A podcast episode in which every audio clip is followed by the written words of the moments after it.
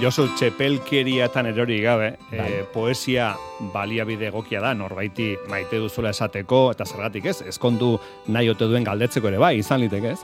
Bueno, poema batean adieraz daiteke, norbere hitzetan e, adieraz ezin dena, beste batenak hartu eta barruan sentitzen du duguna, hori, mm ba, poema baten bitartez ezin egokiago adieraz daiteke, beraz bai, zergatik ez. Nik pastel dendan aurrez aurre parez pare biok biotara geundela galdetu nion senargaiari ezkondu nahi ote zuen.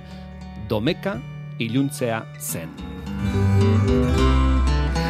Poesia tresna ezin hobea da horretarako, eh? Ze, mm ba, esango dugu, autopiko bada, egia da, maitasuna izan da poesiaren gain nagusitako bat, eta da Eta e, maitasun asko dario gaurko poesia tarteari, e, Josu, baina esango dugu, nenik eta ben, itzulpen gintza oso garrantzizkoa dela poesia lotuta, ez da? Ba, hitz egin dugu tarte honetan manu, e, itzulpen, itzulpen gintzak duen garrantziaz, ez da? Ba, munduko hau txen, oparotasun hori, geure hizkuntzara ekarri izatea, ba, izugarrizko zoriona, sortea, miragarria da guretzat.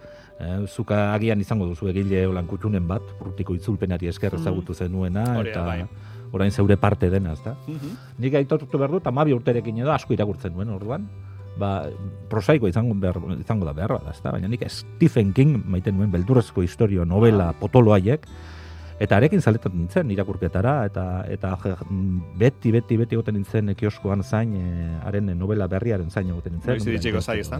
Bai.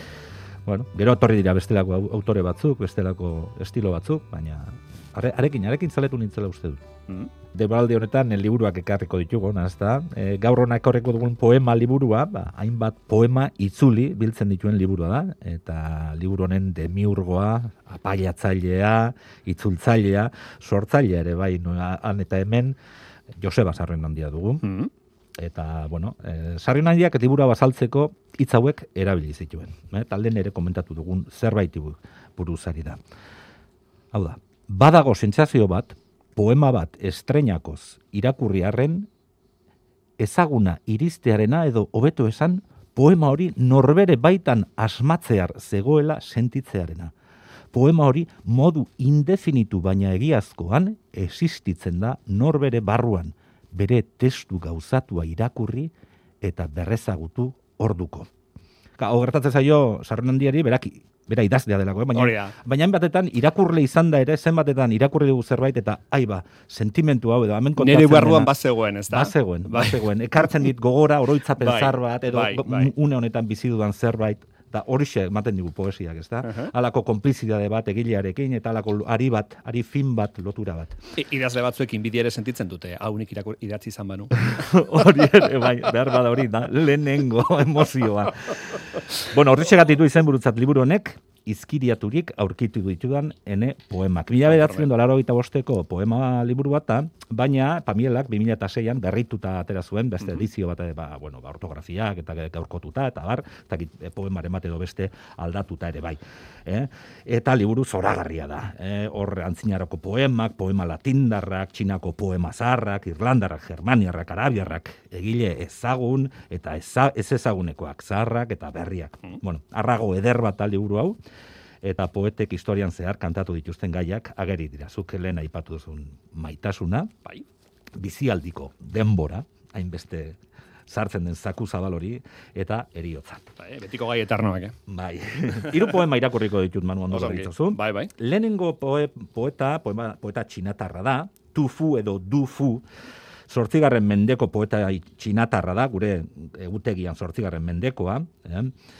e, tang dinastiaren garaian tufuk bizitzaren edertasunaz eta ura gozatzeko baldintza, baldintza bakarraz diardu hemen.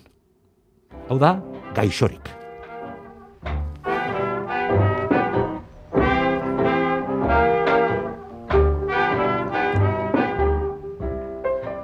Garden gardena da gure herria inguratzen duen errekako ura.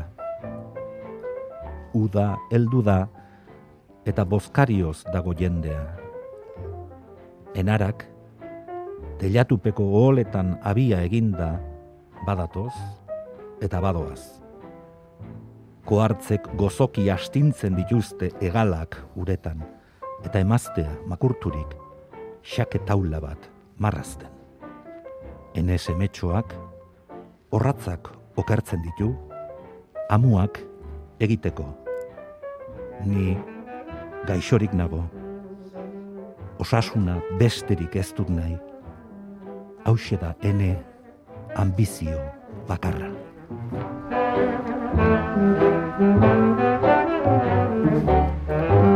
Josu zegoza simple baina ederra, ezta? Bizirik egoteko desioa, batez ere zure bizitza kolokan dagoenean, ezta? Hori da, eta zure ingurukoekin eta hmm. munduak osatzeko, bueno, ba, osasuntxu sentitzea, ezta? Hmm.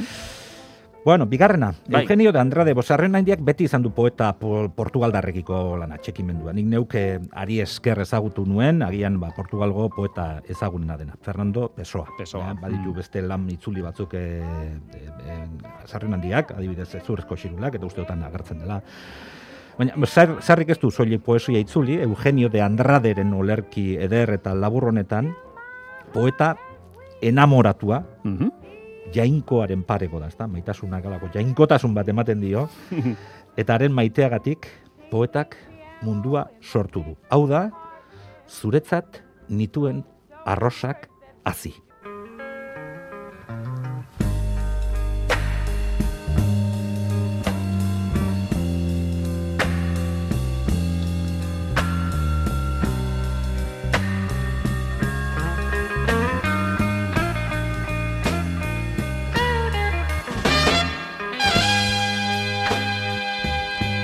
Zuretzat nituen arrosak hazi, zuretzat eman nien duten usaina, zeuretzat urratu nituen errekak, eta eman nien granadei sugar kolorea. Zuretzat imini nuen zeruan ilargia, eta pinudietan berderik berdeena, zeuretzat utzi nuen lurrean, gorputza animaliena bezala zabalik. Whoa, whoa, whoa. If I could ever hold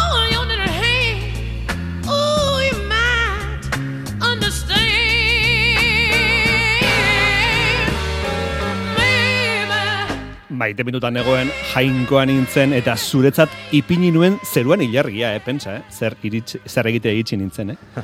Egia esan, jainko bihurtu bere, deno sentitu gara pizka bat, errege edo txapeldun, ez da, eh? maite minuta egon garenean, eh? Bai. sensazioa horrelakoa da. Eh? Eta gainera alako musikekin, Janis Jopliren kanto bai. honekin, ni, bueno, jartzen naiz, bueno, bihotza altxatu egiten zait, eta, bueno, bueno, edo zer eh, eskuratu nezakela pentsatzen dut. Bueno, eta China, Portugal eta bukatzeko? Ba, e, Txekiera, baina hizkuntza alemanera joko dugu. E, Reiner Maria Rilke, Txekian Pragan jaiotako alemanezko idazle izan zen, ba, adibidez, ba, kaska bezala, ezta? Poeta handia eta eragin handia izan duen hainbat idazleren gan, ba, gurean adibidez, Xavier Leteren gan, e, ba, eragin karagarri izan zuen. E, arena da, irakurriko dudan irugarren eta ezken poema, hau ere noski, sarrin handiak itzulia, Bueno, ja badakizue, uda badoak igula eskuetatik, udazkena ateetan da, bai. eta udazkenaren etorrerari kantatzen dio, rilkek poema honetan, udazkeneko eguna izeneko poema. The fallen leaves drift by my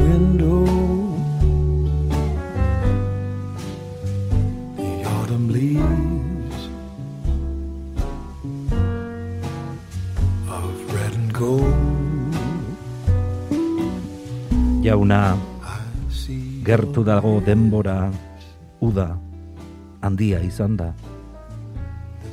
Jarrezazu zure itzala eguzki erlojuetan eta askaitzazu aizeak lautadetan. Agindu egiezu motzeko azken fruituei emaiezu oraindik bi egun bare arindu ezazu haien perfekzioa eta saka ezazu zukuen gozotasun gorena ardo lodian. Orain etxerik ez duenak ez du sekula etxerik izango bakarrik dagoena luzaroan geratuko da bakarrik. Irakurtzen eta bere gutunak eta bere gaubeiak jarraitzen. Eta bera ere arantz eta onantz ibiliko da ikaraturik, horriak bueltaka tabiltzan estratetan. When autumn leaves start to fall.